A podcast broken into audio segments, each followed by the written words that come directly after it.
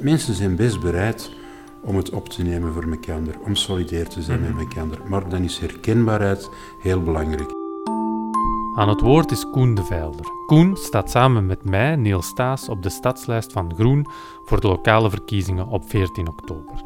Koen staat op de zevende plaats, ikzelf sta op plaats 10 en in deze podcast hebben we het over het sociale beleid en de visie van Koen daarop voor de komende legislatuur. Veel luisterplezier. Dag Koen. Hey, hey dag Niel. Jij was in een vorig leven geen politicus, nu bent dat een beetje nu wel. Wat was je daarvoor? Ja, ik ben bijna 40 jaar sociaal werker geweest. Ik ben helaas al zo oud. Op het einde van mijn carrière in sociaal werk, vooral in de thuisloze zorg en de crisishulpverlening, was ik directeur, algemeen directeur van het Centrum Algemeen Welzijnswerk in Antwerpen.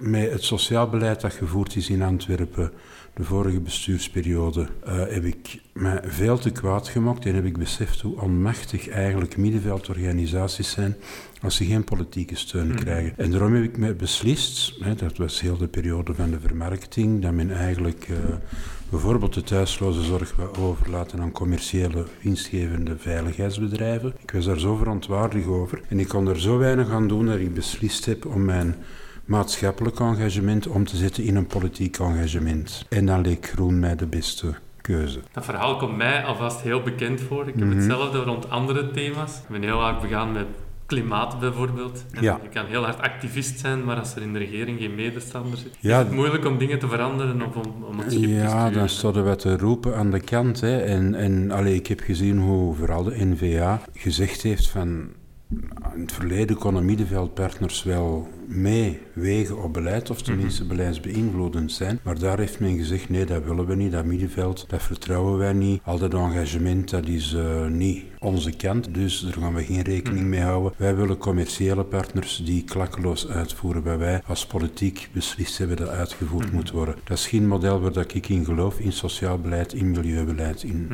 Dus waar je eigenlijk zegt van via aanbestedingen wordt een opdracht uitgeschreven van A tot Z. Mhm. En die wordt klakkeloos uitgevoerd, onafhankelijk van de expertise eigenlijk van de Ja, dat is zo. Hè. Dus uh, waar men in het verleden toch zocht naar... Er is een heel rijk en geschakeerd middenveld in Antwerpen. Niet alleen van grote sociale organisaties, maar ook veel kleine VZW'kes, burgerinitiatief. Waarin dat men in het verleden zocht om een participatieve betrokkenheid van die mensen te krijgen. Heeft men nu gezegd, nee, wij de politiek weten hoe dat mhm. moet. Wij zijn verkozen voor zes jaar en hopelijk wat mij betreft voor niet langer. En wij gaan de lijnen uitzetten en wij zoeken eventueel uitvoerders die klakkeloos uitvoeren mhm. wat, uh, wat wij willen. Ik vraag altijd in mijn podcast, neem het programma er eens bij. Ga eens zoeken naar het thema. Ik vermoed dat het ook in het sociaal beleid zit, dat jouw idee zit. Mijn reden voor overstap naar de politiek is natuurlijk dat sociaal beleid. En daar vind ik wat er heel... Uh, knap is aan programma van Groen, is dat men eigenlijk zegt van kijk, we moeten de sociaal beleid, die zorg, terugbrengen naar de mensen in de wijken, in de stad. Dus het voorstel dat daar is om zeker minstens 14 sociale wijkcentra te maken, ontmoetingsplekken voor mensen, voor burgers van de buurt met een breed aanbod, maar waar dat ook mensen terecht kunnen die het moeilijk hebben. Mensen die, die problemen hebben, mensen die hun rechten niet kennen. Daar moet een laagdrempelige ontmoetingsruimte komen waar dat niet mensen een deskundige hulpverlening kunnen vinden. Want ik geloof dus ook niet in compleet vervrijwilligen van heel het sociaal werk. Er is echt wel deskundigheid voor nodig. Maar die plekken mogen geen stigma-plekken zijn. Nu, als je in een OCMW sociaal wijkcentra binnenstapt, dan weet iedereen, oei, die heeft problemen. Want die stapt bij het OCMW binnen. Mm. dus dan moeten dus eigenlijk meer vrijplaatsen zijn waar dat in mijn ogen uh, goede dienstverlening, goed sociaal werk ook goede gezondheidszorg met elkaar gecombineerd kunnen worden.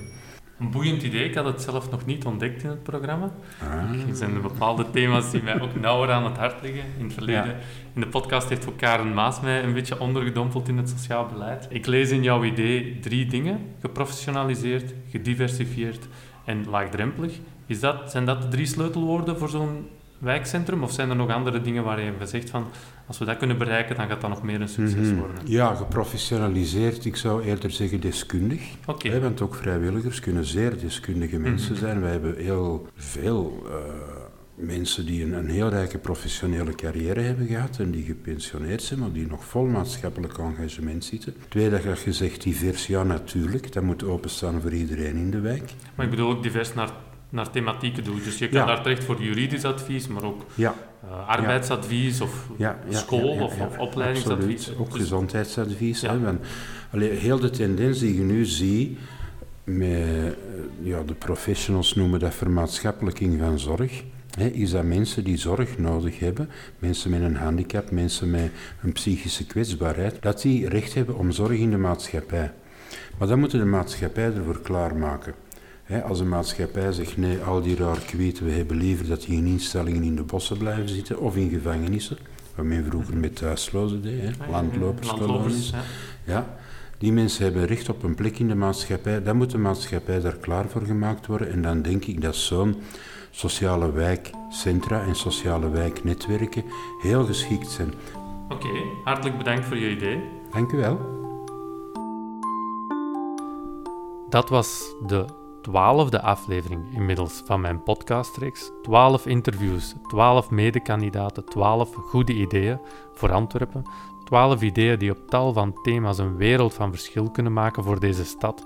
Ik denk dat de keuze voor de kiezer, voor jou, echt heel duidelijk is deze keer. Er zijn twee heel duidelijke visies op deze stad. Ik hoop alvast dat ik na 14 oktober samen met onze fractie van Groen kan werken aan een nieuw beleid, een nieuw progressief beleid in deze stad, dat keuzes maakt op vlak van mobiliteit, op vlak van sociaal beleid, op vlak van klimaat, maar ook op vlak van economie en de manier waarop dat we met elkaar omgaan in deze stad. Ik denk dat deze stad veel meer in haar mars heeft dan we vandaag zien en ik hoop dat ik samen aan die toekomst kan bouwen. Daarvoor hebben uiteraard kandidaten zoals Koen, maar ook mezelf echt jouw stem nodig om in die gemeenteraad te geraken. En daarom hoop ik uiteraard dat jij op 14 oktober bolletje nummer 10 kleurt op de stadslijst.